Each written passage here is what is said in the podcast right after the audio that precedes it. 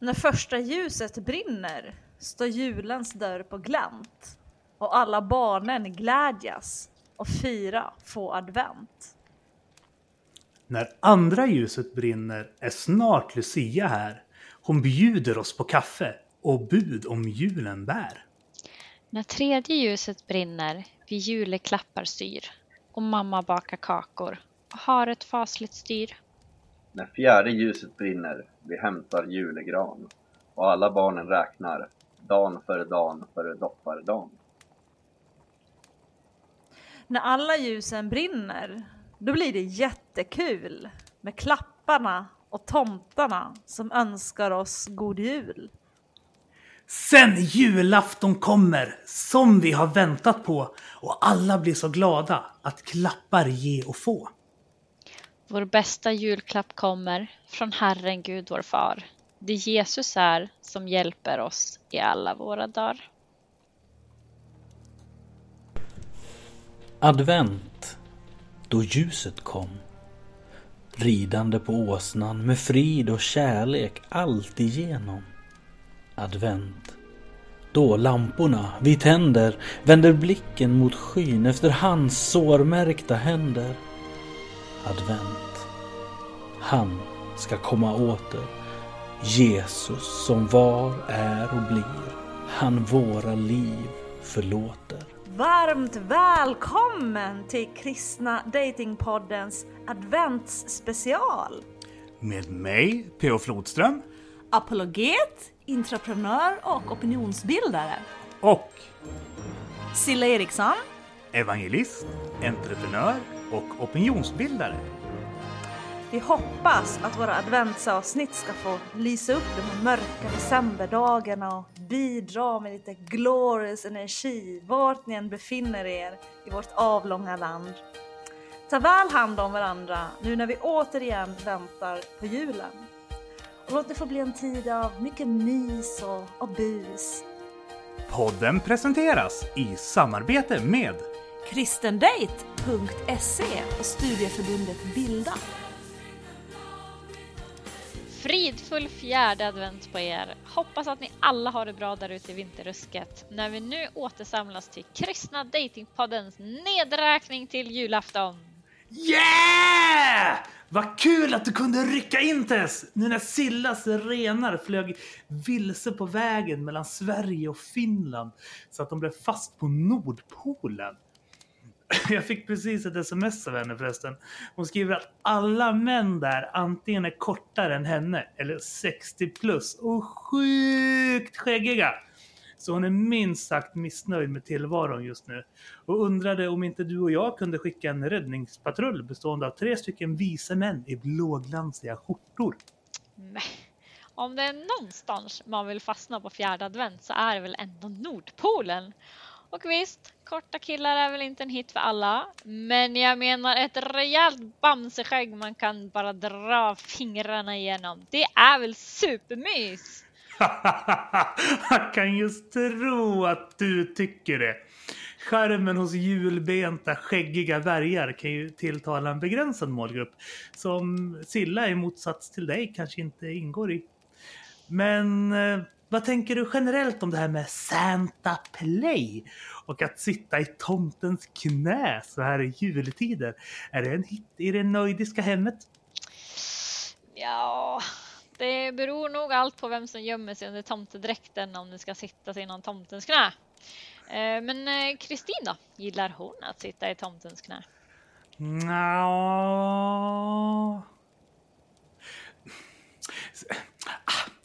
Silla föreslog att de skulle göra det på förra lilla jul. Men då var vi inte riktigt tillsammans än, så Kristin var lite skeptisk. Men jag hoppas på lite Santa Play i år. Åh, P.O. Har Kristin verkligen gått med på det där? Men vadå? Det är väl mysigt med lite play? Mm. Så länge det är samtycke inblandat i era sek- eh, vuxen eh, dagar, kvällar. så eh, kan jag absolut eh, godkänna det hela. Men vet du, det där får mig att tänka på en, eh, en pojkvän som eh, jag hade en gång. Och då när jag kom hem från sjukhuset så viskade han lite förföriskt i mitt öra. Behåll dräkten på. Fast hot nurses, det är väl ändå etablerat test. test. Men, men anyway, hur har veckan varit? Mycket att göra på jobbet nu när det är halt och så. Jo, eh, alltså det har ju ändå varit bra, men varför skulle jag få mycket att göra när det är halt? Ja, men, eh, jag tänker att folk halkar och sånt där. Bryter lårbenshalsen, får ont i öronen med mera. Mm. Jo, eh, jag var själv ute på en promenad idag och det var fruktansvärt halt. Men Pio, du har fortfarande inte lärt dig vad jag jobbar med va?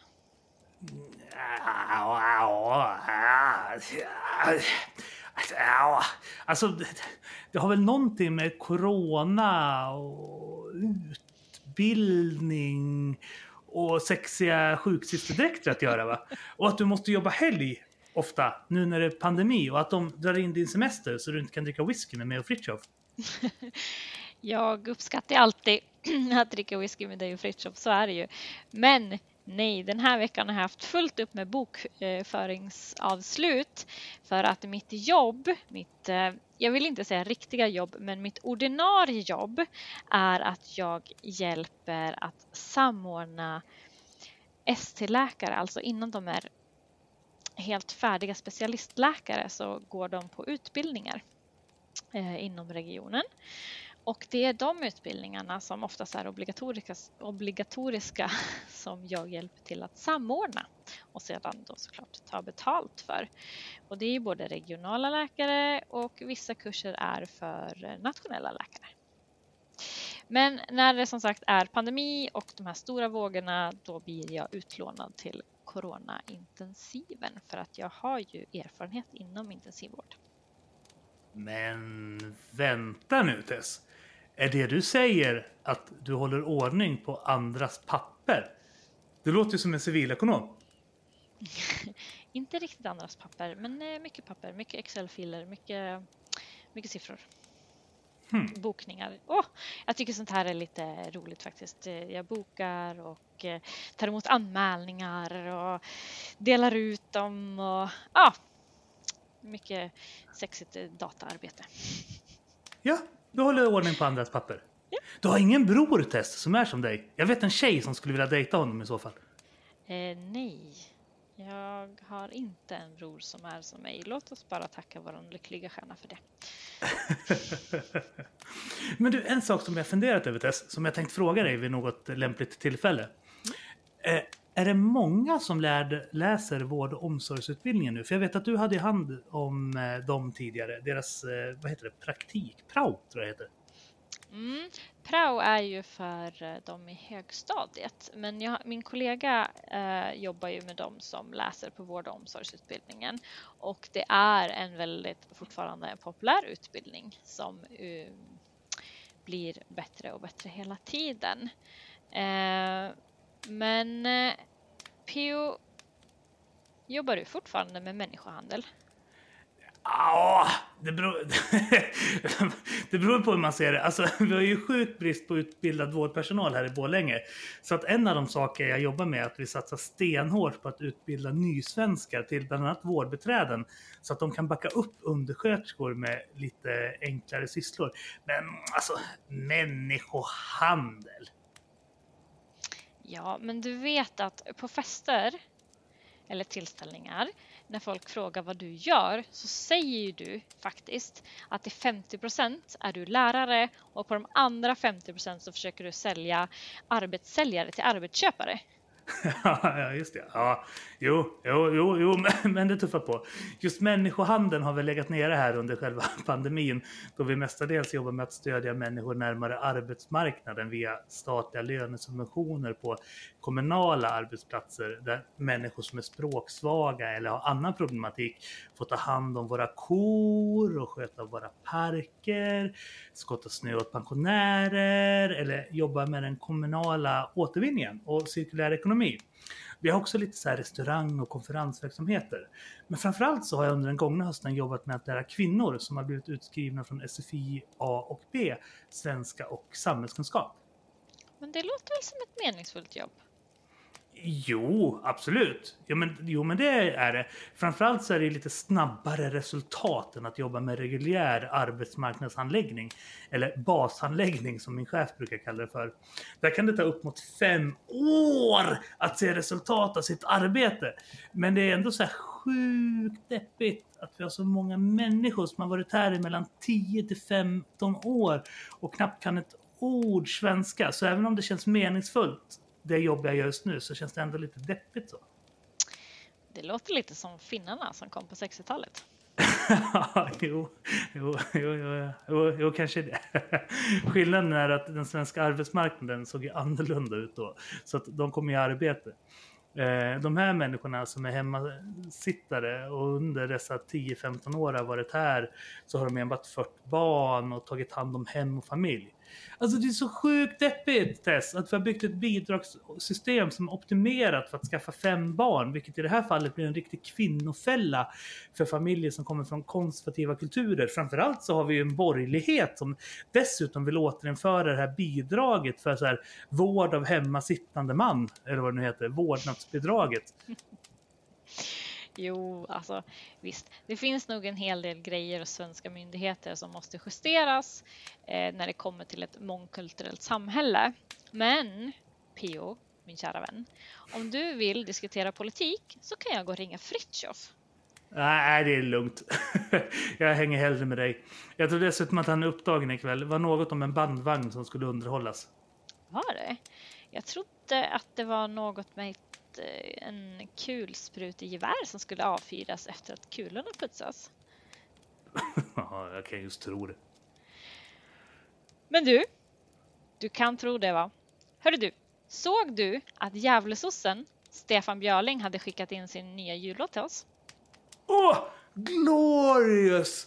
Bra tajmat av honom förresten. Nu när Silla är fast på Nordpolen och allting så kan vi passa på att lyssna på lite mer proletär indiepop här i podden.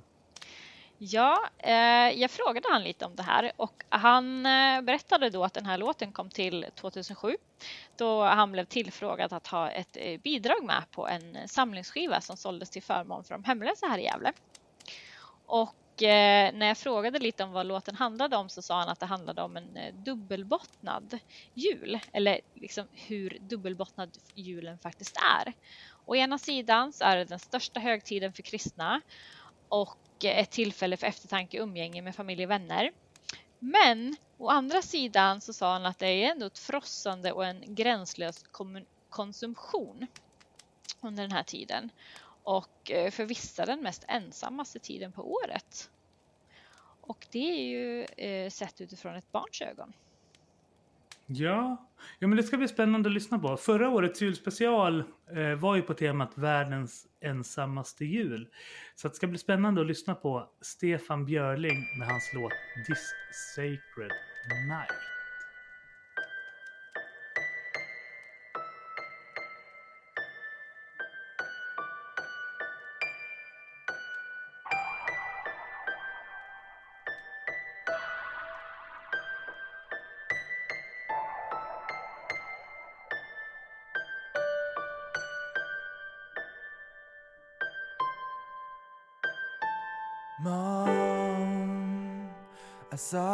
Second Santa Claus today.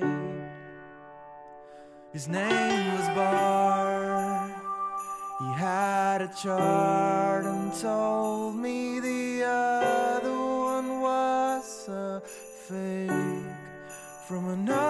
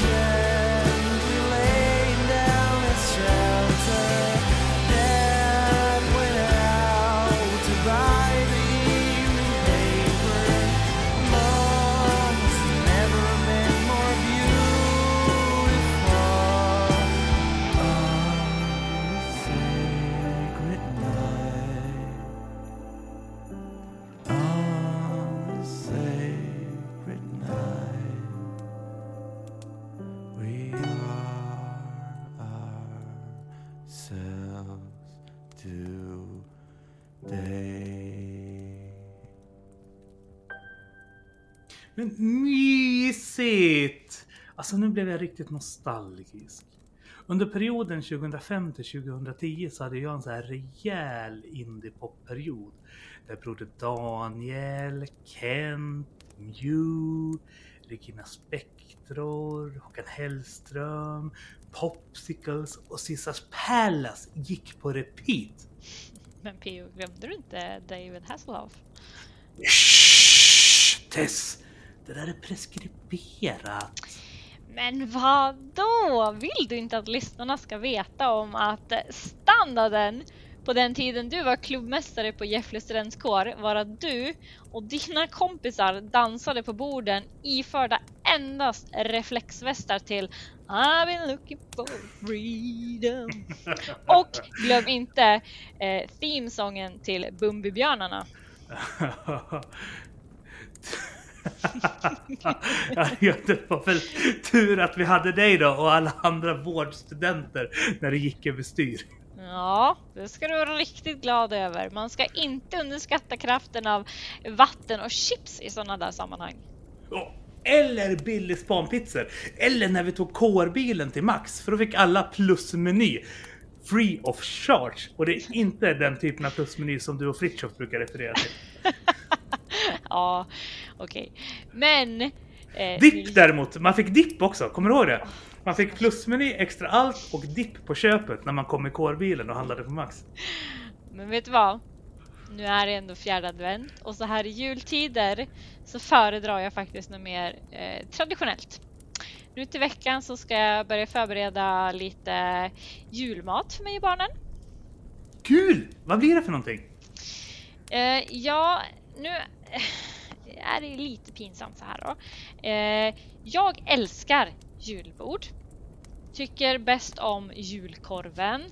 Vörtbröd med russin, mycket viktigt. Eh, med skivad, eh, eh, skivad leverpastej. Det ska vara julgröt och skinka. Jag gillar köttbullar, sill, potatis. Allting sånt där. Men! Men! Eh, vi gjorde även det här förra året då när min mormor levde.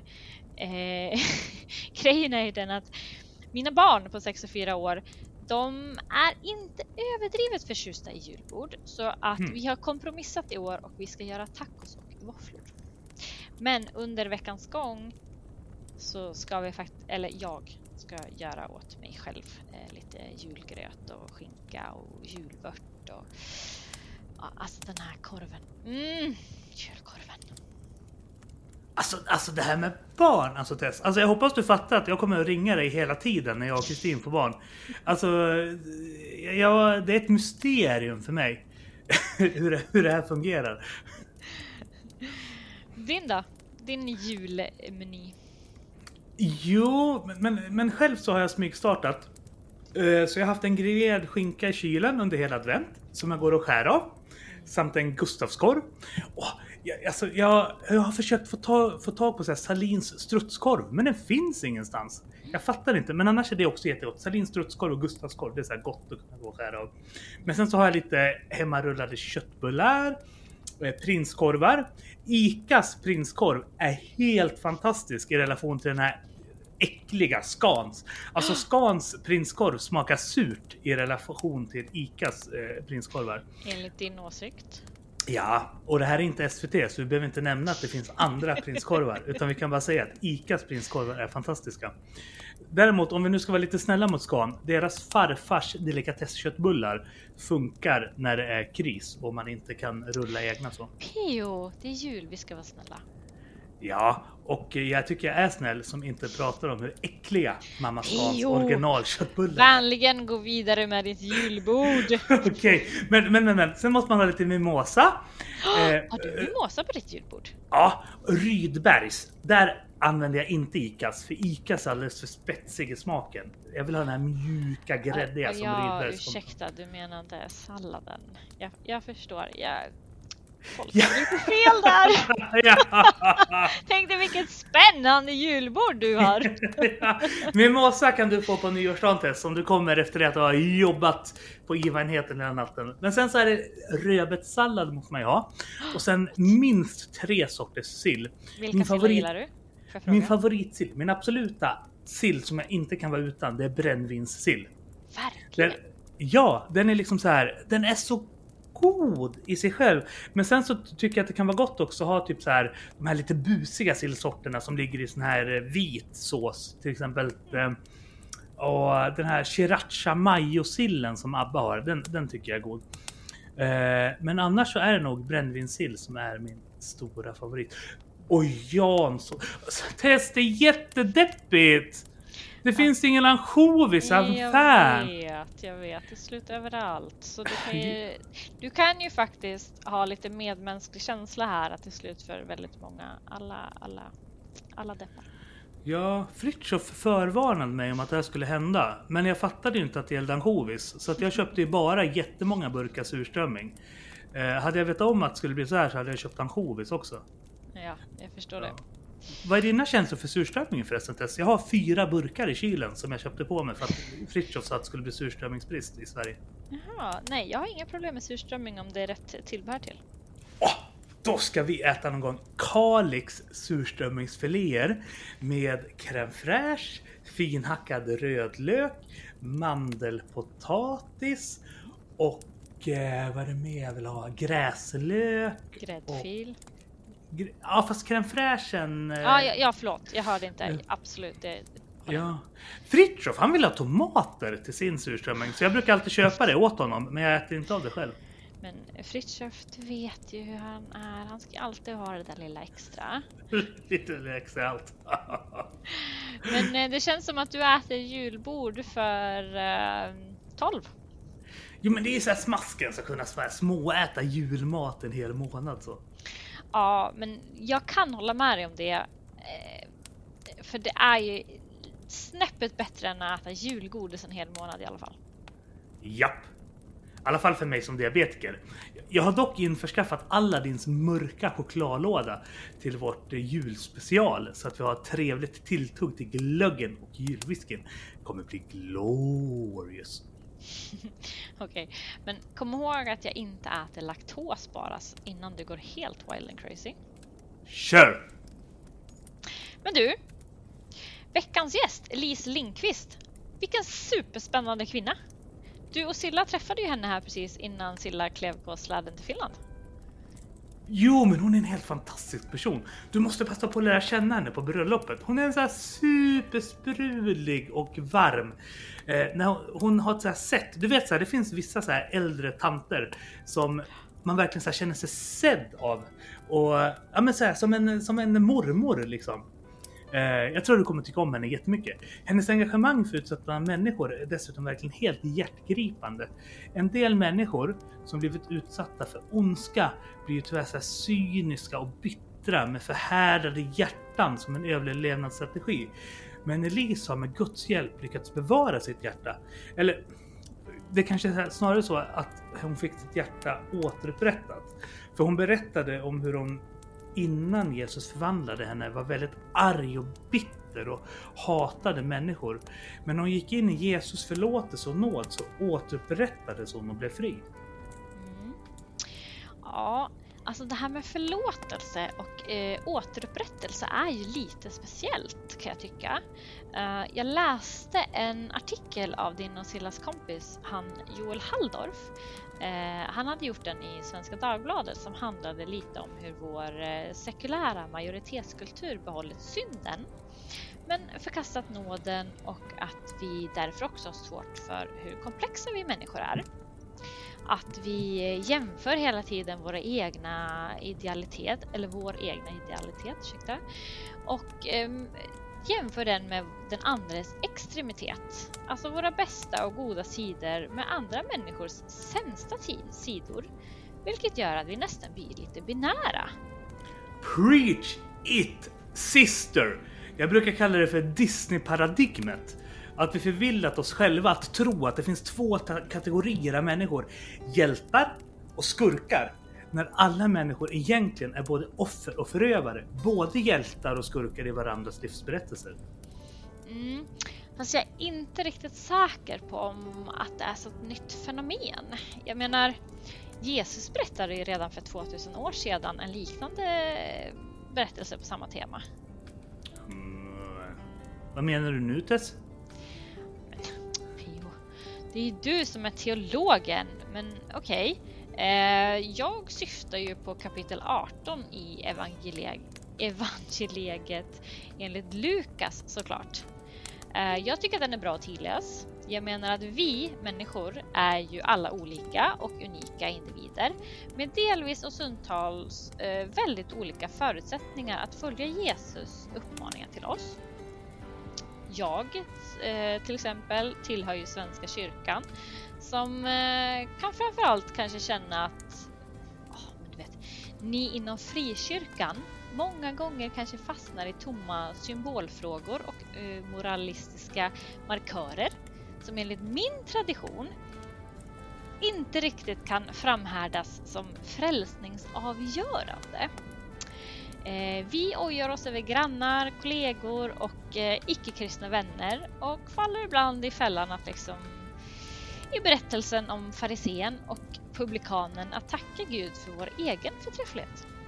Jag håller helt med dig Tess! Men jag är inte helt säker på att alla våra lyssnare känner till historien, så jag tror att det är bäst att du läser den. Okej, men låt oss bläddra fram till Lukas 18.10. Två män gick upp till templet för att be. Den ena var farisé, vilket är ungefär som PO, en rättrogen teolog. Och den andra var tullindrivare, vilket är samma ord som publikan som betyder judar som samarbetade med den romerska ockupationsmakten för att förtrycka sitt eget folk. Farisén ställde sig och bad för sig själv. Jag tackar dig Gud för att jag inte är som andra människor, tjuvar, bedragare och horkarar eller som tullindrivaren där. Jag fastar två gånger i veckan. Jag lämnar tionde av allt jag köper. Men tullindrivaren som stod avsides och vågade inte ens lyfta blicken mot himlen utan han slog ut med händerna mot bröstet och sa Gud, var nådig mot mig, syndare. Och Jesus säger er, det var tullindrivaren som gick hem rättfärdig snarare än den andra. Ty den som upphöjer sig ska bli förödmjukad, men den som ödmjukar sig ska bli upphöjd. Hmm. Ja, alltså det som också kan vara viktigt att komma ihåg är att publikaner vid den här tiden, det var ungefär samma sak som de judar som samarbetade med nazisterna på 40-talet med Nazityskland. Och eh, när jag möter den här texten så kan jag tänka att precis som du påpekade Tess, att det här kan vara ett område som jag själv har stundtals lite problem med. Inte kanske att jag i någon omfattande grad uppfattar mig själv som mer förträfflig eller bättre än andra människor. Men jag kan ibland oroas över hur jag framförallt kanske i svenskkyrkliga sammanhang, men även alltså, i frikyrkliga. Eh, men jag kan ta ett exempel. Eh, när jag tidigare under åtta års tid satt med i Svenska kyrkans högsta beslutande organ, kyrkomötet, som politiker så frestades jag till att söka umgänge med de bekännelsekristna konservativa grupperna Frimodig kyrka, Kristdemokrater i Svenska kyrkan, Den levande kyrka och delar av eh, gruppen Post, politiskt obundet kyrkan. Eh, jag ser inget problem med att jag dras till människor som jag identifierar som kristna trossyskon.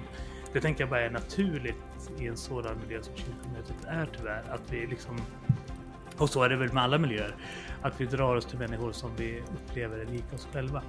Men problemet hos mig själv som jag kan identifiera när du läser den här liknelsen från Jesus dess är att jag ibland upptäckt att jag har blivit lite drivande faktor i den form av ryggdunkning som farisén i bibelberättelsen vittnar om.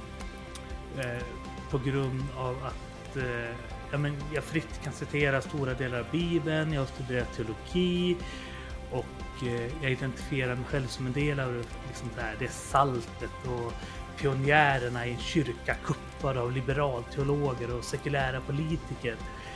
Eh, så att ibland kunde jag liksom bli pådrivande i en jargong om att vi är bättre än alla de som tror på någonting. Eh, och liksom, ärkebiskopen såg vi ju ner på. Hon ska ju gå i pension snart, men hon tillhör ju de som anser att judendom och kristendom och islam är tre ansikten av samma religion.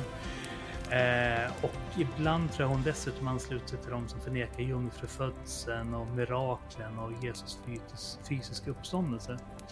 Missförstå mig rätt här Tess. Jag står såklart för de här trosdogmerna.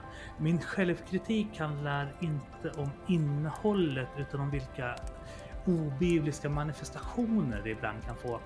Där jag faller för en gärningslära, där jag upphöjer mig själv och sådana som mig för att vi tror rätt. Och därmed glömmer vi bort kanske lite grann att allt är givet av nåd. Mm. Eh, ja, jag förstår dig för att för mig som svensk kyrklig är det viktigt att eh, ja, men, frälsningen är given av nåd och inte av en korrekt teologi i alla led. Eh, sen förstår jag såklart att det är hos dig som pentekostal teolog eh, liksom, med slagsida åt det evangelika hållet ja, det kanske finns en rad sanningar som du menar att vi inte kan kompromissa med. Men när vi konfronteras med kristna sammanhang som just nu kompromissar med dessa så tror jag att eh, det Jesuslika att göra i den situationen är att uppfyllas av omsorg och medkänsla för dessa människor istället för att som, ja, men som jag ibland uppfattar att frikyrkan gör uppfylls av indikation eh, och en känsla av att ja, men, kanske att ni är lite bättre än dem och ska tillrättavisa dem. Jo, fast, fast samtidigt, om, om jag ska försvara oss lite, så kan en del av teologerna och prästerna inom Svenska kyrkan å andra sidan se ner på oss. Många inom Svenska kyrkan förhåller sig till oss så som många partier förhåller sig till SD-bönder och Sverigevänner. Att de ser sig själva som lite finare än oss. Okej, men en sak är dock säker. Eh, vi har sjukt mycket snyggare kyrkor än vad ni har. Seriöst PO. Majoriteten av era byggnader ser ut som ifall en kommitté av 70-talssossarna skulle ha designat dem. Funkis är ju bara förnamnet. Okej, kör. där, där, där kan jag vara överens med dig Tess. Framförallt pingströrelsen har historiskt varit helt ointresserade av att bygga snygga kyrkor. Det vill mer bygga så här multifunktionskonferens och idrottsanläggningar. Fast även då de bygger renodlade kyrkor så blir resultatet sällan speciellt snyggt. Det finns historiska skäl till det här dock. Vet du, jag tror dig och handen på hjärtat så är väl en del av Svenska kyrkans mer moderna byggnader inte så supersnygga heller. Men på första advent och julottan då vill jag eh, jättegärna känna stämningen i ordentligt kyrkrum med levande ljus och en gedigen orgel från tiden före den där elektroniska dansmusiken som ni gillar inom pingströrelsen ens var påtänkt. du tänker på Hillsong? Ja, okej. Hon bättre. Men, men jag visste inte att du kunde vara så här konservativ Tess. Jag trodde att du mer var superprogressiv. Ja, när det kommer till allas rätt att älska vem de vill med samtycke, mycket viktigt, ja, men inte när det gäller kyrkobyggnader och orglar. Org, org, oj vilket svårt ord. Orglar, orgar, vad säger man PO? Orgel, du, du tänker på piporgan. Org, orgel, org. Nej, den Orgel, laxax. org, org, orglar. Heter det så? Orglar? Orglar, jag vet inte vad det heter. Men, men, men det är ganska typiskt svensk kyrka Äh, att tycka så. Nu ska jag säga ett typiskt sillaord här. Mupp. Du kan vara en mupp. En 1700-tals orgelmupp. Ja, ja. Men du, nu vill jag faktiskt höra på vad Elise hade att berätta för dig och Silla. Men snälla, innan kanske kan vi få ett litet smakprov från den där adventskonserten som Kristin spelade in i Sankt Klara kyrkan som du laddade upp på Lucian. Du, på tal om det, den där snygga rödhåringen som sitter vid pianot, eh, vem är det? Det är hennes sex år yngre lillebror John. Ooh, lammkött, my favorite kind of meat. Jag kan just tro det. Eh, han har dock sambo. Men Tess, om du vill ha lammkött så kom hit på nyårsdagen så ska jag fixa en lammstek.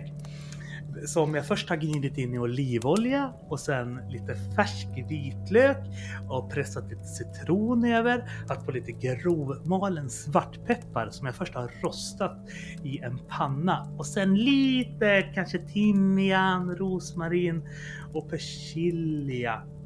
Men som sagt, John tror jag är lite off limit för han har sambo. Ja, det är ju ganska typiskt ändå att han är off limit.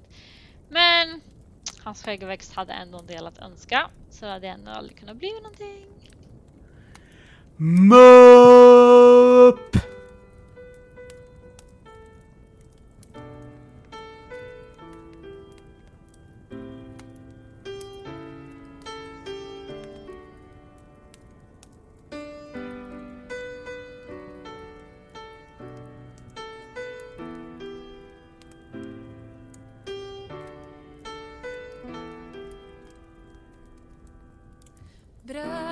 dette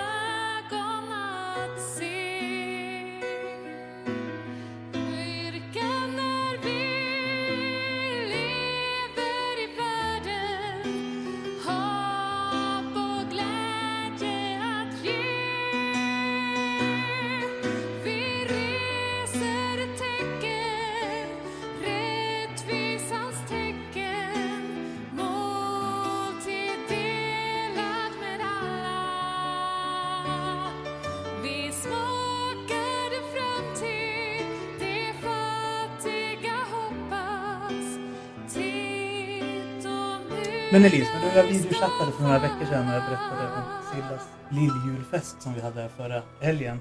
Så berättade du att du brukar fira någonting som kallas för lilla julafton. Mm. Och då tänkte jag att det lät spännande. Det vore kanske perfekt för vårt fjärde adventsavsnitt att eh, berätta lite grann om. Eh, så jag tänkte, mm, vad är lilla jul för någonting? Lilla julafton för mig, då, då känner jag att ja, jag hör julen till. Alltså, då känner jag också att jag är med för att jag aldrig tyckte om julafton. Jag har inte tyckt det varit någon, jag har inga minnen utav bakgrundshistorien är att jag inte har haft någon, tydligen någon bra julafton. Men den här julafton, och det kallar vi det för lilla julafton, för det är ju då veckan, eller dagarna innan självaste julafton som är den 24 december. Och då är det en organisation som heter Sisters International. De börjar, det tar ett år för dem att fylla dessa påsar. Det är julpåsar kallar vi dem. Och de är stora, jag vet inte hur, hur mycket kan det vara, jag kan inte mått och sånt där. Men den är rätt stor. Och så står den i svart och så står det Sisters International. Där fyller man i olika produkter som främst då kvinnor, det mest, det finns tror jag inte något för män. Män kan väl också ha lite grann såklart. Va? Men här fylls det med olika produkter och då är det ett värde på 1500 kronor har man gjort en bedömning. Och självaste då när vi har lilla julafton då gör vi det extra fint uppe på Malmskillnadsgatan. För nu ska vi fira julafton. Och flickorna började redan för en månad sedan att fråga morsan, ska vi ha lilla julafton i år igen? Och det har vi haft nu i flera år, så har vi haft på samma sätt. Och då bjuder vi in då eh, våran präst ifrån Klara kyrka. Och det är eh, Ivan Gertz som de har bjudit in. Är han släkt med Bo Giertz? Bo, ja, Som det har skrivit ja, en de- bibelöversättning? Ja, det kan hända. Jag vet, nej, det vet jag inte. Ja. Och han är präst i Klara för de som inte vet. Ja, Mm, mm, men han är präst i, ja, men han är pensionär nu. mm, mm. Men han har varit präst i flera år i Klara kyrka. Jag vet Kristin tycker väldigt mycket om honom också. Att han är väldigt mjuk. Han är så Ja, jag har ung. aldrig träffat honom men jag måste få träffa honom någon gång. Ja, han är Mm. helt sagolikt Mm. alltså. Och han är nog den enda präst förutom Mattias, eh, eh, Ja, Ruts Rutsman. man. Ja. Eh, Han är i stil med Ivan Gertz. Alltså han är den där mjuka, härliga, inte framfusiga. Utan han är en lyssnande präst. Mm. Så Ivan han har fått godkänt utav mina flickor på Malmskillnadsgatan. Det är den enda präst som får lov att komma upp. Mm. Och då vet vi att vi har nu, som det är nu, det är den 17 december tror jag det blir, Mm. som vi då har lilla julafton. Och då har vi hembakat godis. Vi har jättefint gott bröd. Mm. Och vi gör verkligen till och vi, gör, vi har sån här julgran som är sån här belysning i, som på den. Det har vi med oss och så ställer vi upp det på det lilla bingobordet. Och sedan så har vi kanske glitter i håret. Vi gör så att det är precis som det skulle vara en liten julafton hemma. Och då när då flickorna kommer bort, då brukar vi samlas. Då, då är det Marie Arnfjell och jag och Ivan som ställer oss runt tjejen. Och då är det Ivan som frågar flickan, vad vill du vi ska be? Man småpratar lite innan. Och sen så säger Ivan, vad är det du vill vi ska be för dig? Mm. Och då blir det alltid den stående bönen. Det är be att mina barn har det bra. Be för mina föräldrar. Be att jag själv ska kunna orka och att jag kommer från detta Mm. helvete som det är att gå här uppe och sälja sig. Och sedan så när vi har gjort det så omsluter vi henne, inte tar på henne, för det är en ren våldtäkt Mm. som jag har sett under mina år när man börjar ta på någon tjej. Även om man är, eh, tillhör teamet Mm. så gör man inte det. Man börjar inte att ta på kroppen. Mm. Så det, Ivan han är jättenoga med det. Han står då och, bara, och då ser vi hur han ber och så sedan så börjar tårarna komma hos flickan. Mm. Då gråter de. Och många, jag kan säga att 90 procent minst, har sagt Jag har aldrig fått uppleva en julafton som den här. Mm. Utan det här är deras första julafton. Mm. Ja, fint. Ja, Mm. och jag tycker det, det är den finaste julafton för mig också. Mm. Mm. För här får man vara del, en del i deras sorgearbete eller vad jag ska kalla det för. Men Mm. det är hennes smärta att inte få ha sin familj. och- Utan kunna ha en, eh, en riktigt fin julafton. Men här får de det och så får de det här och får jättegott med snask och allt. Så när de får så mycket. Mm. Ja. Så därför så säger jag julafton för mig, det är uppe på Munkenäsgatan. Mm. Men du berättade också att du firade aldrig jul när du var liten. Jag har inga minnen av det. Nej. När var första gången du firade jul? Ja, jag kommer knappt ihåg. Mm. Det är för mycket mörker. Det var då när jag blev kristen, Mm. maj månad 94. Då var det, jag fick ju inte vara ensam, men jag bodde ju här då som jag bor nu. Mm. Men de vännerna som jag hade runt mig i, i kyrkan, de började vilja att jag skulle komma hem. Mm. Annars så var jag ensam. Eller också åkte jag till min syster. Men jag, har inte- jag har inte haft någon riktig julafton. Mm. Mm. Det är uppe på gatan, det är min julafton. Mm. Och visst är det roligt att komma bort och hälsa på om det är goda vänner som man har. Mm. Så visst är det roligt att komma bort men någonting saknas hos mig. Mm. Och jag kan inte förklara vad det är. Mm. Men i år ska du fira julafton med din dotter. Ja, Ja.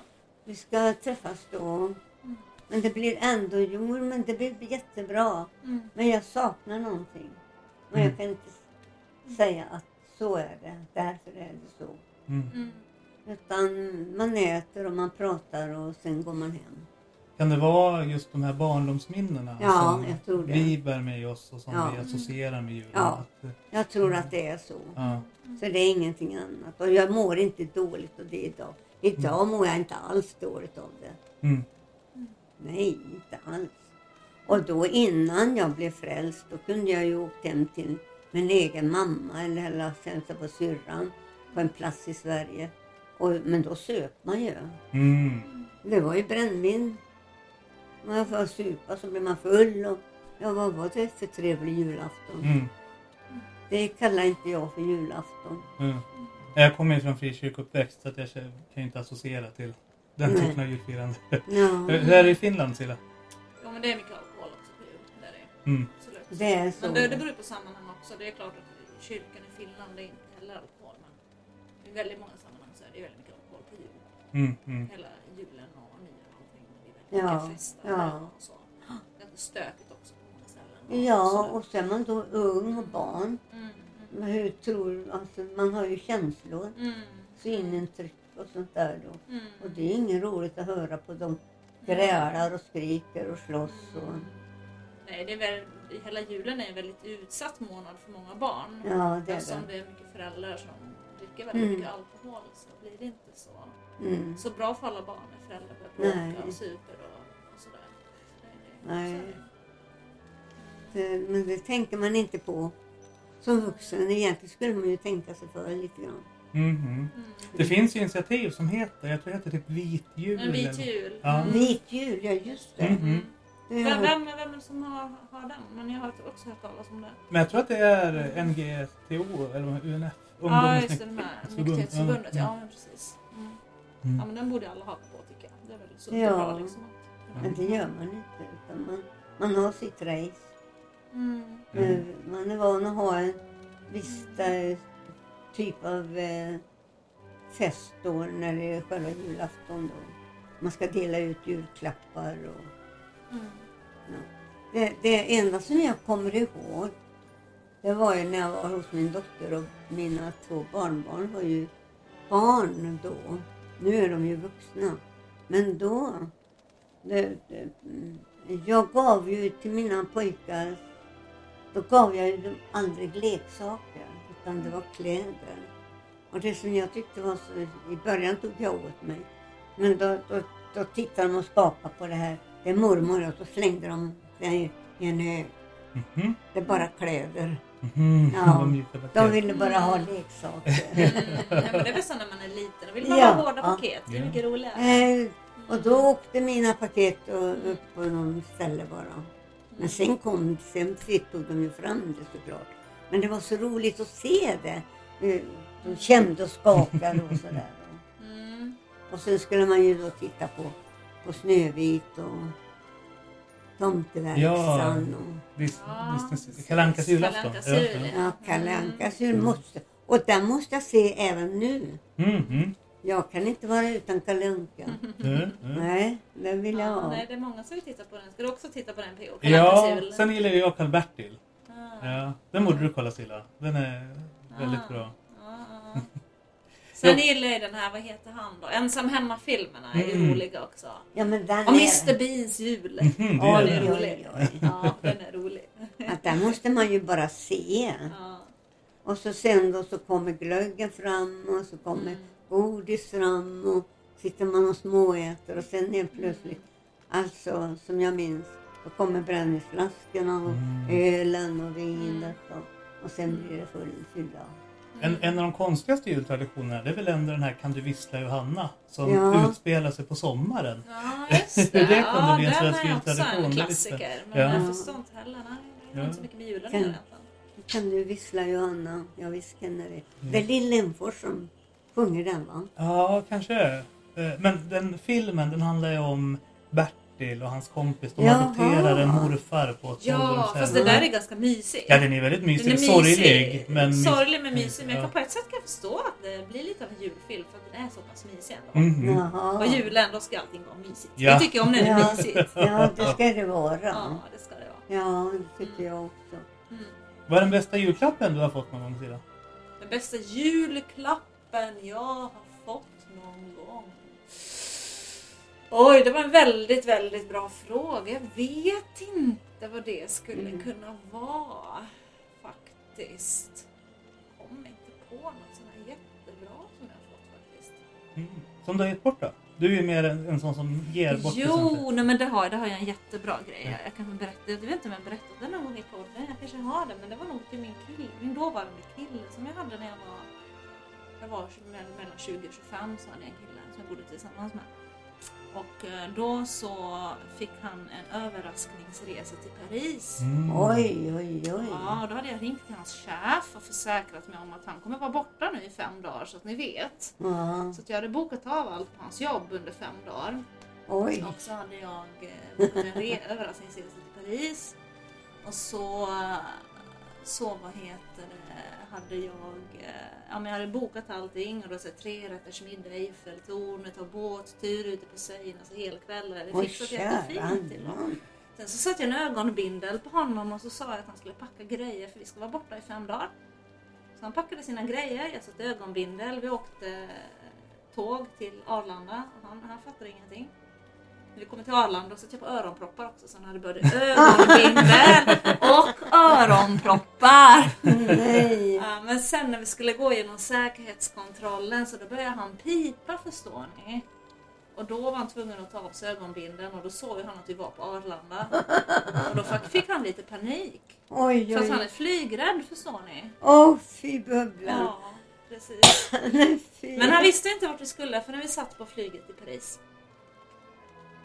Så att han blev väldigt överraskad. Mm. Så, Ja, det måste ja. han ju ha blivit. Ja men faktiskt. Men var det roligt då? Ja, vi hade jättefina dagar. Det var på, vi bodde på ett jättefint hotell och vi var uppe i Eiffeltornet och käkade Oj, middag. oj, Vi oj. åkte båt och vi vi Ja. gjorde massa roliga saker. Så att han, han blev jätteöverraskad och han var jättenöjd med sin eh, julpresent. Så det är nog en av de finare julgåvorna jag har gett någon. Det är nog det. Ja, det Mm. måste det ju vara. Det, Ja. det är inte alla som jag menar får en sån där julklapp. ja, men det är roligt. Jag älskar att ge saker till människor så jag tycker det är roligt. Ja. Mm. Vad är det finaste du har gett eller fått? I, Ja du. Jag vet faktiskt inte vad det finaste. Uh, nej. En, en sak som lyssnarna kanske inte känner till I julspecialet så kommer du berätta lite grann om när du fick en medalj av kungen. Men vad Ja. många kanske inte känner till det är att du har ju gett en eh, present till drottningen. Mm. Eh, och bland annat en special jordbukett och så. Hur, hur kommer det sig? Va? Jo, därför jag tycker väldigt mycket om drottningen och hon och jag, vi har träffats två gånger tidigare och vi har gått och pratat väldigt mycket om barnslaveriet och hon har ett stort hjärta för, för barn som får illa. Mm. Och sen när jag fick berätta hur jag själv har levt och haft det som barn. Så hon blev så fångad, hon blev så väldigt intresserad. Och hon, hon gör ju någonting. Jag menar, en del kan ju komma omkring och skryta och tala om, titta det här har jag gjort. Mm. Men hon nämner ju ingenting. Jag högaktar henne att hon, hon är tyst, men hon är tyst men hon gör väldigt mycket. Hon vill jag skulle ha min, min, eh, mitt pris. Mm. Och priset startade, det blev när jag fyllde 80 år. Mm. Eh, vilka har fått den för henne? Det är då ehm, en som jobbar då med ehm, ehm, människor som har släppts ut ifrån fängelset. Mm. Han, eh, han jobbar väldigt mycket med att har jobbat med företag som ska ta in de som släpps ut ifrån fängelset ska kunna få komma och arbetsträna. Så han har fått flera företag som har öppnat dörrarna för just för samhälls... Män, killar, tjejer som lever på bottennivå. De får komma och börja och arbetsträna. Mm. Och det är flera av dem, ja vi kan säga nästan alla, har fått fast arbete Mm. och egen bostad och sin egen familj har kommit tillbaka. Så där ser man genom att steg för steg bygga upp en människas trasiga liv Ja. som inte har varit så bra. ja, många känner ju till ditt arbete på Malmskillnadsgatan. Ja. Men ett arbete som du gjort lite mer i det fördolda är ju att du besöker fängelser och Ja, eh, hjälper människor som ska börja om på nytt efter att de har tagit ja. ansvar för sina brott. skyddat boende, skyddad identitet. Jobbar mycket med. Och det är ju samma sak där. Alltså det är ju flickor som lever verkligen på stupet av, av eh, livet. De, de har inget människovärde. Att få dem att förstå att älska sig själv, Mm. det, det tar så väldigt lång tid. Men när man väl har fått brutit igenom så kommer, då går det mycket fortare. Men första startsträckan, den tar tid. Och det måste få ta tid. Man växer in i det och sedan den som man vill hjälpa ska ha förtroende för en. Mm. Så där har jag fått gjort, i många år så har jag fått jobbat med det. Och jag vill helst inte prata så mycket om det heller. Men eftersom du tar upp det här med Mm. podden nu så jag tror att det blir om man försöker ta reda på vad jag gör och vad jag är. Ingen, kan, ingen vet var, var det någonstans jag är. Mm. Varken ni två vet var jag håller hus någonstans. Mm. Jag har aldrig berättat om det. Mm. Mm. Bara att jag gör det. Mm. Så nu på måndag, då ska jag träffa tre stycken. Och då, tre stycken, en har jag hjälpt så att eh, den personen får rätt sida på sina tänder. Och så nu då, i veckan så ska den personen få ar- in på arbetsintervju. Mm. Då menar jag, då är det som jag sa till Morgan Johansson som justitieministern när, när Rut Nordström och jag var där och hälsade på honom för vi ville förändra lagtexten. Och då frågade jag faktiskt Morgan, då berättade jag om de här händelserna och då frågade jag, detta måste väl ändå vara en samhällsvinst? Mm. Ja, sa han. Jag håller med. Det är en samhällsvinst istället för att de ska in på kåken igen. Mm. De, de går ut, har inget att göra, så blir man in i kriminella gäng igen. Och sen så tillbaka ut in, ut in. Mm. Istället för att bygga upp en människa. För det här, har man, har man, man, har ju, man gör ju det man blir tillsagd. Och nu som där idag så är det ju hemskt när det är småpojkar som eh, tränas till att skjuta. Mm. Så då menar jag, då tycker jag att vi som samhälle varit väldigt flat. Vi, har inte, vi vill inte se när flyktingströmmen kom då Mm. vad är det, 2015 Ja, eller vad. Då är man så flat istället för att man, om jag går och tigger och vill ha någonting, då måste jag ju också kunna jag vill ju arbeta för det jag Mm, får. mm, mm, Allting är inte gratis. mm.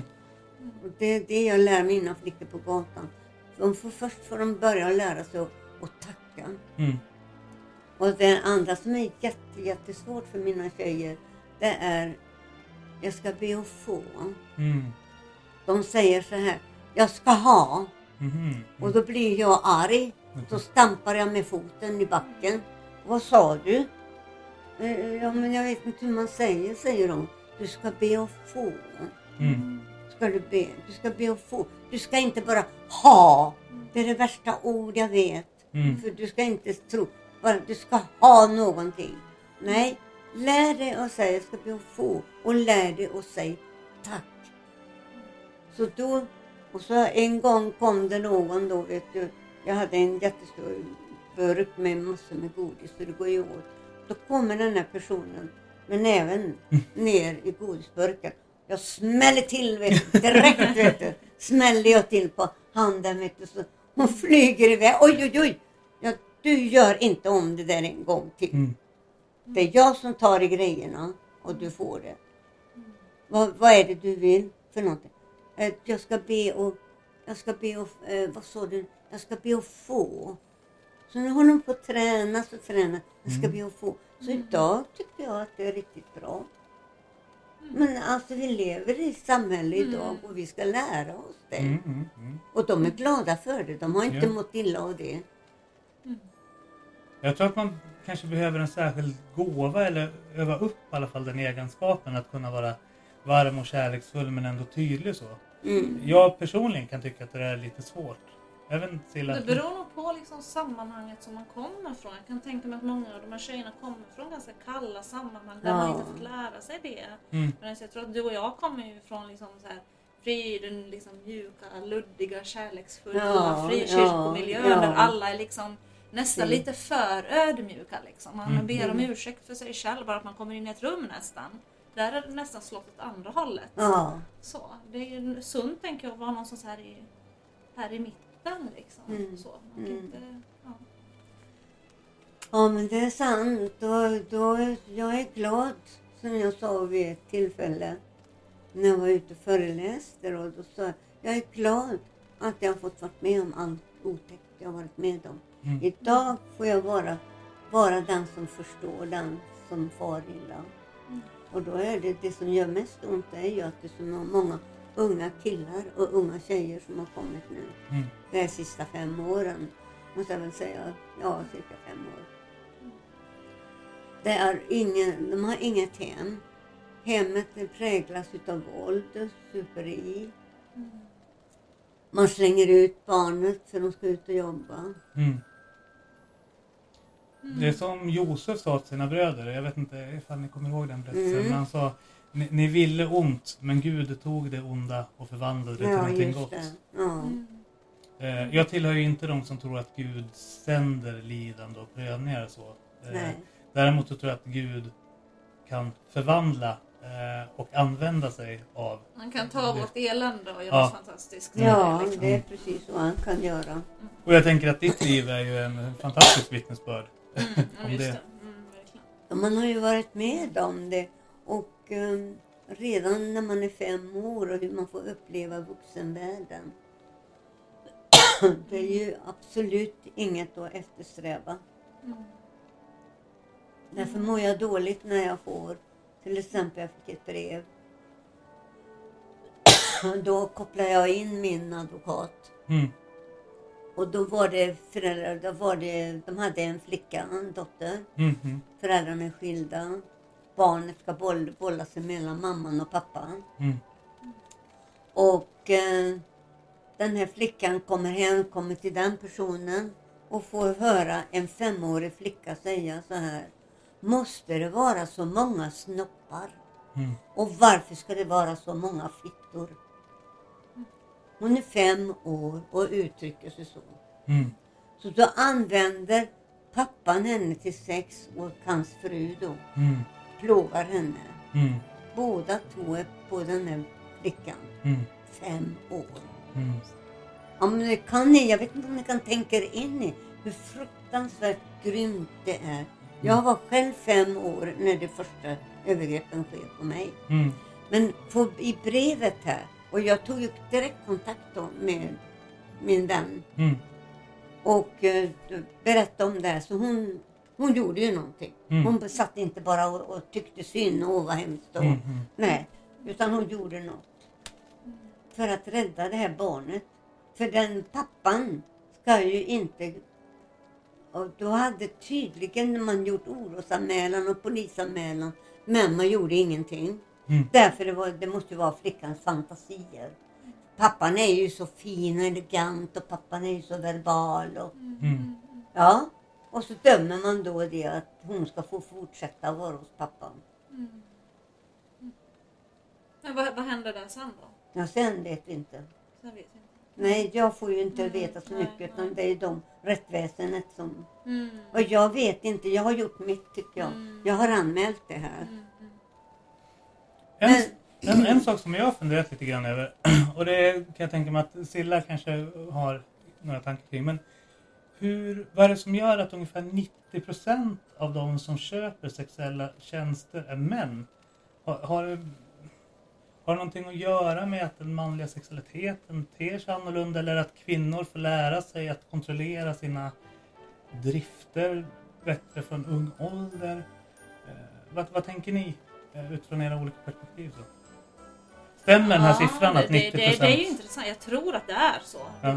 Det tror jag definitivt att det är. Men sen, sen vad det beror på det kan man ju fundera ganska mycket på. Men det är klart Mm. att den kvinnliga och manliga sexualiteten tar ju sig olika uttryck. Så Ja, det tror jag det med. Ja. gör det ju. Men sen exakt vad Men- det beror på, jag vet inte. Jag vet inte heller men jag tror att mannen har större vad heter erotisk eh, mm, Större sexdrift. Ja, sexdriften är större hos mannen än det är hos kvinnan och jag kan inte förklara varför det är så. Men det kanske har sin förklaring. Men att det, varför det är så mycket män som köper små barn. Varför det är så mycket män som åker till, ner till Spanien eller var de då åker för att köpa barn. För att ha sex med. Ja, fast jag, jag, jag har hört siffror på att det skulle vara ungefär 10-12 procent av Sveriges män som känner sexuell dragning till barn. Okej. Ja. Sen betyder inte det att 10-12 procent av Sveriges män är pedofiler, men att man liksom känner någon Ja. slags sexuell dragning till Ja, barn. Så ja. det är, jag, jag har ju svårt att tro att det skulle vara lika många kvinnor som sex, känner sexuell dragning till barn. Det, Nej. jag tror inte att det är. Nej, jag tror inte det. Nej. Men- Det finns men... En, en fråga där, för att du har jobbat som massör. Eh, är det vanligt att män eller kvinnor föreslår happy endings och sånt där? Eller, Ja, det har jag aldrig varit med om. Ja, jag, är som sagt, jag jobbar lite på Sturebadet nu som Mm. massageterapeut. Dock så kan jag säga att det är väldigt, eller ja, hyfsat vanligt ändå att det står liksom att kunden önskar en kvinnlig terapeut. Mhm. Det står det ganska ofta i mina bokningar. Eh, Och det står också ganska ofta att kvinnor önskar en kvinnlig terapeut. Mm. Mm. Det är väldigt, jag tror det aldrig har hänt att jag har haft någon kund där det har stått att kunden önskar en, en manlig terapeut. Oavsett om det är en kvinna eller en man som är kunden så har det aldrig stått, tror jag, vad jag kan komma ihåg i alla fall, Mm. att kunden Mm. önskar en manlig terapeut. Så att alla vill ha en kvinna liksom. Mhm. Så, Mm. det är lite intressant också. Ja, men det är väl så också för då ett tag så gick jag och fick massage och jag gick ju då för att få eh, vad heter det, massage, man har avslappning, Mm. vad heter någonting. Man går och får varma bad och, Mhm. och sen kan man få massage. Men jag vill absolut inte ha en man med. Mm. Min man, den mannen får inte röra mig. Mm. Och då gjorde de ju ett fel. Jag vet inte, jag var nog på Sturbadet eller var jag var någonstans. Jag minns inte så noga. Och då har jag sagt tydligt och klart jag vill inte ha någon man. Nej, det har vi skrivit upp. Mhm. Och då kommer man och så är det en man som ropar upp mig. Mm. Och då frågar jag honom, är det du som ska massera mig? Mm. Ja. Ja, då går jag. Jag vill inte ha dig. Mhm. Jag har sagt att jag vill ha en kvinnlig Mm. och du kommer som man. Och men förlåt, förlåt, då har vi gjort helt fel. Mm. Så då, då var det okej. Men jag kan inte tänka mig en manlig massa... Nej, nej, det är många som inte kan det. Så är det ju på Sturebadet. Ofta i mina bokningar så står det att kunden önskar en kvinnlig Ja. terapeut. Ja. Och det är ju det att man är ju så blottad. Mm. Ska det komma en karl och titta på, känna på mina bröst eller börja Mm. massera och, m- ryggen och rumpan och så ligger jag och tänker, nej aldrig i livet. Mm, nej, men det, man är mer utsatt tror jag som kvinna i ett sånt läge. Ja, Jag tror inte en man har ingenting emot det, liksom att man är kvinnlig terapeut på det sättet. Nej. Så det, det, blir, det blir olika. Men det, jag tror mannen njuter nog mera utav Mm. när man börjar massera här nere med benen och låren. Och, Alltså jag brukar inte bry mig vilket kön den har så länge den inte är för hårdhänt. Alltså, det, Ja, det finns ju en del ja. som använder ax, vad heter det, armbågarna alldeles för, oj då. för hårt. Så. Aj, aj, men, aj. men happy ending, det har jag aldrig varit med om att någon på Sturebadet skulle föreslagit. Mm. Sen är Sturebadet en väldigt, liksom, ska säga, det är väldigt städade och ordentliga människor. Så. Mm. Mm. Sen ska man ha lite skinn på näsan, det är klart. Liksom. Jag, går, jag kan ju vara ganska, man, man känner in en kund ganska snabbt också. Mm. Och jag kan ju vara ganska lite halvvass om jag känner att det behövs. Liksom. Mm. Mm. Mm. Nej, men jag läste någonstans att eh, en förklaringsmodell till varför män var överrepresenterade i att köpa sexuella tjänster är att den manliga sexualiteten är mycket mer kopplad till yttre utseende. Medan den kvinnliga sexualiteten är mycket mer, dels är den mycket långsammare. För en kvinna kan det ta 6-12 timmar att bygga upp en sexuell lust medan män kan tända på inom instant. Liksom, Ja, sådär. Ja, just det. Ja, Ja, men kommer, det tror jag ändå. Det ligger nog någonting i det. där. Ja, men vad kommer det sig? Visst är det konstigt? Ja, men Det är Silla som är vår sexexpert. Vi Nej, får- men alltså vi är ju, jag tänker vi är, män och kvinnor är ju olika. Fysiologiskt är vi olika. Vi har ju olika hormon, uppsättning av hormoner och allting. Liksom, så att vi, vi, vi går igång på lite olika saker. Ja. Och det är väl inte så konstigt. Män och kvinnor är olika. Rent biologiskt är vi olika. Vi funkar på lite olika sätt. Och så är det med vår sexualitet också. Den manliga och kvinnliga sexualiteten är ju lite olika. Och det är ju det är så Gud har skapat oss. Det är ingenting konstigt eller Men då, då, då, då frågar jag dig då till att till exempel män som dras till femåriga flickor eller femåriga pojkar som nu han som har erkänt nu i dagarna här hur han har gjort Hillebrant eller vad han heter. Vad- Hur kan det komma sig att man känner för ett litet värnlöst barn? Ja, ja men det, det, det tänker jag det är inte normalt. Är är det, inte- känner sexualdrabbning till barn tänker jag att det, det är inte normalt. Nej, är inte det makt snarare då, kanske än sexualitet? Ja, att det är ett ja. maktutövande? Och... Ja, Och alltså sånt där- kan det vara, Jag tror ja. också det. ja. Det handlar nog väl, det handlar inte bara om sex utan har, har ju någon slags liksom, behov av att hävda, ja, men maktbehov på Ja. något plan. Mm. tänker För det har jag liksom. också läst att sådana här överfallsvåldtäkter, alltså inte Ja. date rapes utan Nej. där du attackerar någon ute Ja. i en park. Det är Mm. också, det handlar inte om sex utan om Mm. maktutövning och Mm. kontroll. precis ja. Det var där ju, tänker jag också att män har ett större behov av att känna att man utövar makt och att man har auktoritet. mm. Jag tror att en kvinnas behov av det är inte lika stort. Eh, Det, det var flera av flickorna som har berättat till exempel där du säger om makten. Och då är det då ofta en man då, han är ensam hemma. Hans fru har kanske åkt på semester och tagit barnen med sig. Han är ensam. Han sitter, på, han sitter och tittar på porrfilmer. Eller vad det heter för någonting. Han sitter och tittar och sedan så får han då känna hur, vilken lust han får. Och han, då är det våldsam, våldsam sex. Idag, den här förändringen på senaste året, då är det våldsam sex. Det är inte vanlig sex när man köper en tjej. Utan det är, det ska gå hårt fram. Då kan det, som jag hörde mina flickor, då, då har man suttit och tittat på den här våldsamma sexfilmen. Kommer och köper en tjej och tror att man gör likadant. Som man har sett på film. Och då kan det vara så att man har bundit fast mig, både armar och ben. Och så börjar man då och eh, brännmärka i underlivet. Och sen så har man då samlag och då menar jag inte sam, vanligt samlag Mm. utan man, man är hårdhänt. Det är som en brutal våldtäkt. Och då, kan, då säger hon, jag vill inte, jag vill inte sluta. Mm. Jag gör vad jag vill. Jag har köpt dig din jävla hora. Du är mitt köttstycke. Mm, mm. Och då vill han utföra som du är inne på. då ut, vill han utföra sin makt över den här flickan. Hon sa det själv till mig.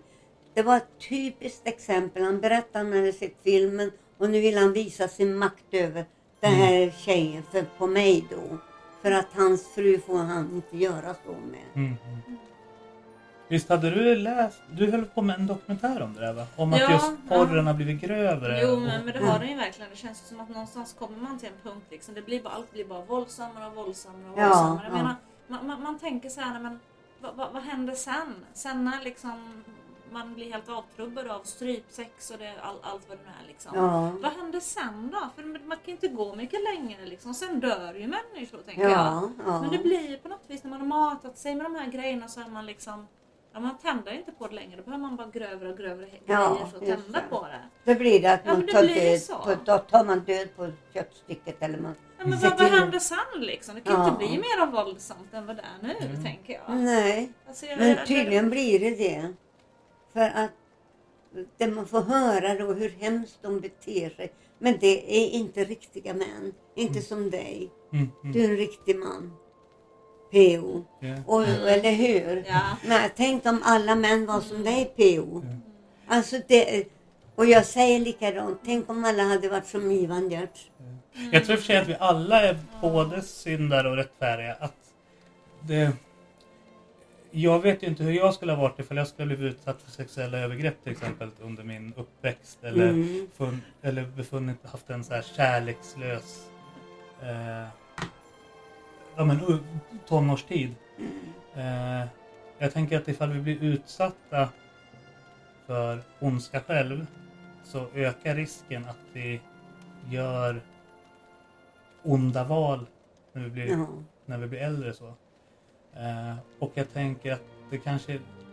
Vi går ju mot jul eh, och det som skiljer kristendomen från alla andra religioner är ju att vi tror på en gud som gick ner i köttet och blev människa och utsatte sig för den grövsta tortyren mänskligheten vid den punkten hade uppfunnit. Vi, vi människor är ju entreprenörer och väldigt innovativa, framförallt när det kommer till att plåga varandra. Eh, och jag kanske har hängt lite för mycket med Robban Tjernberg, men jag har ju börjat dra åt den här subjektiva frälsningssynen. Eh, att eh, skälet att Jesus behövde lida och plågas och dö för oss var för att vi ska kunna försonas med honom snarare än att Gud behövde det för att kunna försonas med oss.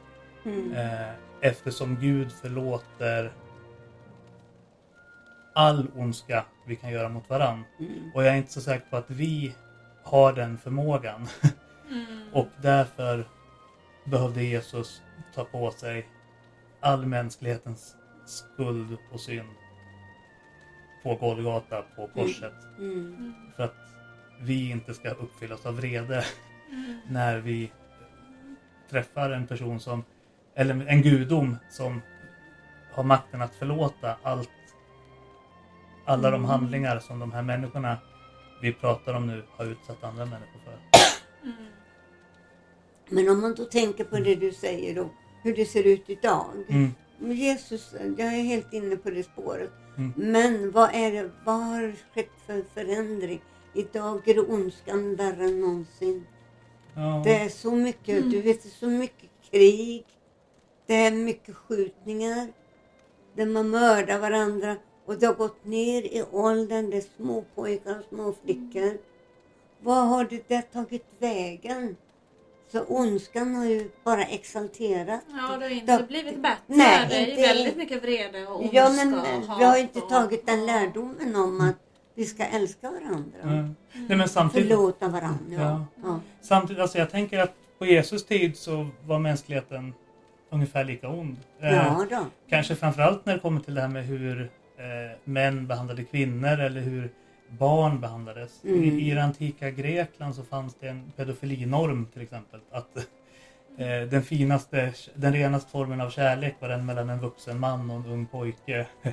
och att eh, pojkar då eh, gav sexuella tjänster till vuxna män i utbyte mot att de lärde upp dem. Alltså som Ja. betalning till sina lärare. Så. Så jag tänker att den mänskliga synden och ondskan den har funnits lika länge som mänskligheten har funnits Mm. och kommer att finnas så länge Ja. vi människor finns. Men vi ska inte slå oss på bröstet och tycka att det, det var då. Utan det, vad gör vi idag Mm, då? mm. Vi, är med, vi har ju förstånd att tänka med. Mm. Och vi kan ju försöka förändra.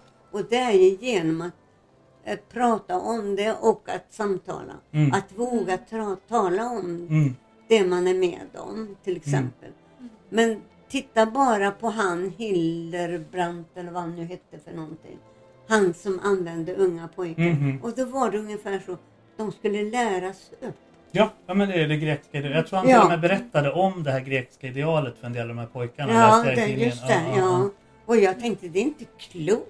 ja. Och det, det här är ju inte på år 1800-talet vi har lyssnat Mm. på. Utan det är nutida Mm. som vi då pratar om. Och jag undrar ju då, var har mänskligheten tagit vägen? Och vi går uppe på Malmskillnadsgatan, vi ser massor. Vi ser de som slår ihjäl varandra och jag är inte... Jo, vi, vi ser det men inte så drastiskt. Men ändå har jag undrat många gånger, var är vi på väg någonstans? Mm. Eftersom det har blivit mer och mer. Det är mycket skjutningar. De skjuter igen gängmeddelar, skjuter ner varandra. Mm. Och, och så tar man småpojkar, småbarn och lär upp dem. Mm. Mm. Vad finns tankarna hos dem som då utför det här och tvingar barn till att göra det? Man blir ju, vad heter det, man blir ju, man, man heter, heter någonting när man då blir, Uppgiven? eller? va? Uppgiven? Nej, man introduceras och man, man lär upp sig och då, precis som du tittar på det här med Knutby. Mhm. Jag blir så upprörd varje gång. Jag vill inte, tål inte se Man Knutby. blir manipulerad tänker Ma- ja, exakt, där Mm. kom ordet. Exakt ja, där, där ser du på Knutby. Där en kristen kyrka. Alltså, jag som är nykristen tycker jag. Mhm. Hur kan en kyrka bete sig så? Mm. Och ändå så finns det många, många, många kyrkor Mm. som inte är rendrevade. Nej, men Men det, det känns ju också som att vi lever lite grann i sista tiden. Ja, ungefär så. Eh, och där, alltså vi vet ju det här, det står mycket om det i Bibeln också, där, den här tiden ska ju komma. När de här grejerna vi Ja. ser just nu. Det, vi, vi, det finns liksom ingen... Nej, vi kan inte fly undan det heller. Nej. Vi måste liksom gå igenom det här. Ja. Och det kan vi brottas lite grann med Och också. det hur står i Bibeln om det. att vi ska genomgå det. Ja, Titta på precis. kvinnor få födelsen. Mm. Det, alltså föda ett barn. Ja. Det är inte hur enkelt som helst. Nej, precis. Det, det är inte så konstigt egentligen. Nej. Vi måste igenom det på något sätt. Ja. Bibeln har ju förvarnat oss om att det här ska komma. samtidigt, jag har svårt att se eh, att, vi, att mänskligheten skulle vara mer fallen i synd nu än för 2000 år sedan. Eh, Nej, inte mer fallen i synd, men vi lever, tror jag i alla fall, i den sista tiden. mhm. Det är närmare nu än någonsin att Jesus ska komma tillbaka. Så är det ja, man ser alla jordbävningar. Man ser Ja. allt utomlands Ja, nu då, hur ja, det precis. sker. Man, jordmassorna kommer för att ta folk med sig. Och jag ser Sverige Mm, är ju mm, också sånt som händer. mm, mm. Broar som rasar och Tjörnbron som gick åt skogen och Ja. Surteraset och, och sedan, det är ju små grejer men jag tänkte på något annat, nu har jag glömt vad det var jag tänkte på. Jag tror att vi kan vara överens om att för varje dag som går kommer vi närmare den dagen då Jesus kommer tillbaka. Men Ja, att så men har det varit under hela Ja. mänsklighetens historia. Ja. Så. Ja, Ja. Men, ja, men sen tycker jag liksom också det, det är svårt att veta också hur ska man hantera den här sista tiden. Mm. Vi kan ju konstatera att liksom, ja, men vi lever i sista tiden och det här liksom, födsloverken som börjar komma. Om, liksom, Mm, vi vet inte exakt när Jesus ska komma tillbaka. Men hur ska vi agera då i den här sista tiden? Mm. Att vi kan inte bara sätta oss ner här och vara passiva. Ja men okej, nu lever vi i sista tiden. Det som händer, händer. Mm. Jag tror fortfarande att vi liksom måste Vi kommer verkligen inte att... gå, alltså, Ja. ta kommando och liksom verkligen gå i spetsen för Ja. Guds rike och verkligen göra saker. Det och tror jag är det- viktigt. ja, och, Det vi tror jag vet, alltid har varit kyrkans kallelse. Ja. och vi vet Ja. inte när tiden är inne. Nej, Vi det- vet ingenting nej, för nej, det nej. kommer bara som Mm. Från en Exakt. blixt från en klar himmel. Och det är jag nog väldigt glad för. För tänk om det skulle börja rasa, här, hända. Mm. Och man, utan det kommer bara så här alltså. Och jag tror att man inte är medveten om det. Mm. För jag, hur många år har jorden funnits? Mm. Miljoner år. Mm. Och ett, ett år för oss, Mm. för Je- Jesus, så är det, nu har jag glömt Var det En, tio? en, en dag är som tusen dagar. Så Eller som det så. tusen år och tusen år är som en Tusen, dag. ja. Ja, Ja. man ser det. Men det var svårt att tänka tusen år tillbaka. Tusen år. Ja, ibland har jag ju funderat också på det. Ja, alltså man hinner inte springa. Man behöver inte ta med sig någonting. Alla grejer som man har. Som man är rädd om. Det, det, blir, det är bara borta. Ja, nej, vi får inte med oss någonting här. Så. Nej. Vi samla våra skatter i himlen. Ja. Ja, det är det vi ska göra. Det står också om det. Och för att förtydliga för lyssnarna då, som kanske inte är lika bibelmarinerade som oss. Begreppet att samla skatter i himlen eh, handlar om att eh, sprida evangeliet Ja. och budskapet om Ja. Jesus till så många människor som möjligt. Så att de känner igen honom och vill ha gemenskap med honom. Mm. Så att de följer med oss eh, in i evigheten Mm. tillsammans med honom. Mm. En, en, en, en del har frågat sig, jaha, ska klassamhället fortsätta i himlen också? Så, nej, det, det är inte det Nej, det, det handlar om. inte det är inte den typen av skatter. Nej, där dansar vi på de gröna ängarna. Vet. Ja. Spelar och sjunger och oj, oj, oj, oj. Ja. ja, då är du lite yngre så kan jag snurra runt dig lite utan att behöva vara Ja, orolig för ja. dina lårbenshals och så. Ja, Men så då, får vi träffa dem som vi vet finns där uppe. mm, Jag träffar min lilla pappa på mig att göra. mm, Tänker jag på ibland. Mm. Så det, men inte för man längtar efter döden. mm, Det gör jag inte. mm. Utan jag vill fortsätta leva. Och jag vill fortsätta leva så här. Så länge mina ben orkar gå så kommer jag gå ut och göra det jag gör idag. Mm, Många undrar ju hur orkar du? Ja, så länge Herren skickar ut mig. mm, Han sätter säkert stopp när det är stopp. Mm. Med det så tänker jag att vi kanske ska önska lyssnarna en välsignad, eller glorious som vi säger, glorious Glorious. fjärde Ja. advent. Och du kanske vill eh, avrunda genom att önska dem en puss och kram Elise? Ja, det säger jag till dig som lyssnar nu på den här podden. Jag önskar verkligen av hela mitt hjärta att du ska bli omfamnad och jag, jag pussar dig på kinden. Och jag önskar dig en god jul och ett gott nytt år. Och nästa år kommer att bli ännu bättre. Amen. Amen.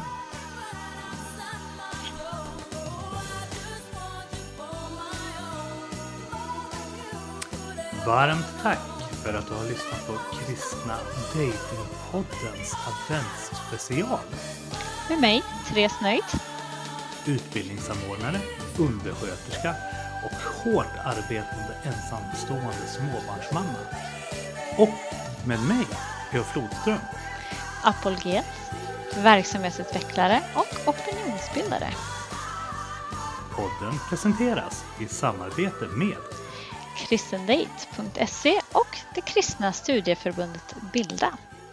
Hoppas att vi ses i Kristna Datingpoddens julspecial. Vi börjar sända 11.45 på julafton! Sakta och trevande, försynt och tvekande går jag på vägen. Den finns där på riktigt. Tittar och begrundar, tystnar och blundar med fokus benägen att se det som är viktigt. Ordet finns där, ett djup som bär, tillgängligt för mig men så svårt att förstå. Öppnar och ser, läser och ler dessa ord ifrån dig som för evigt består. Handla och tro, prövas och bero, jag inspireras och vill söka dig djupare. Inte helt klar, osäkerhet kvar, önskar tiden stod still, jag vill ha dig närmare. Gud höj din röst, var min tröst, snälla hjälp mig att lita helt fullt på din storhet. Jag är så liten, trött och sliten, jag behöver få veta att du också är närhet.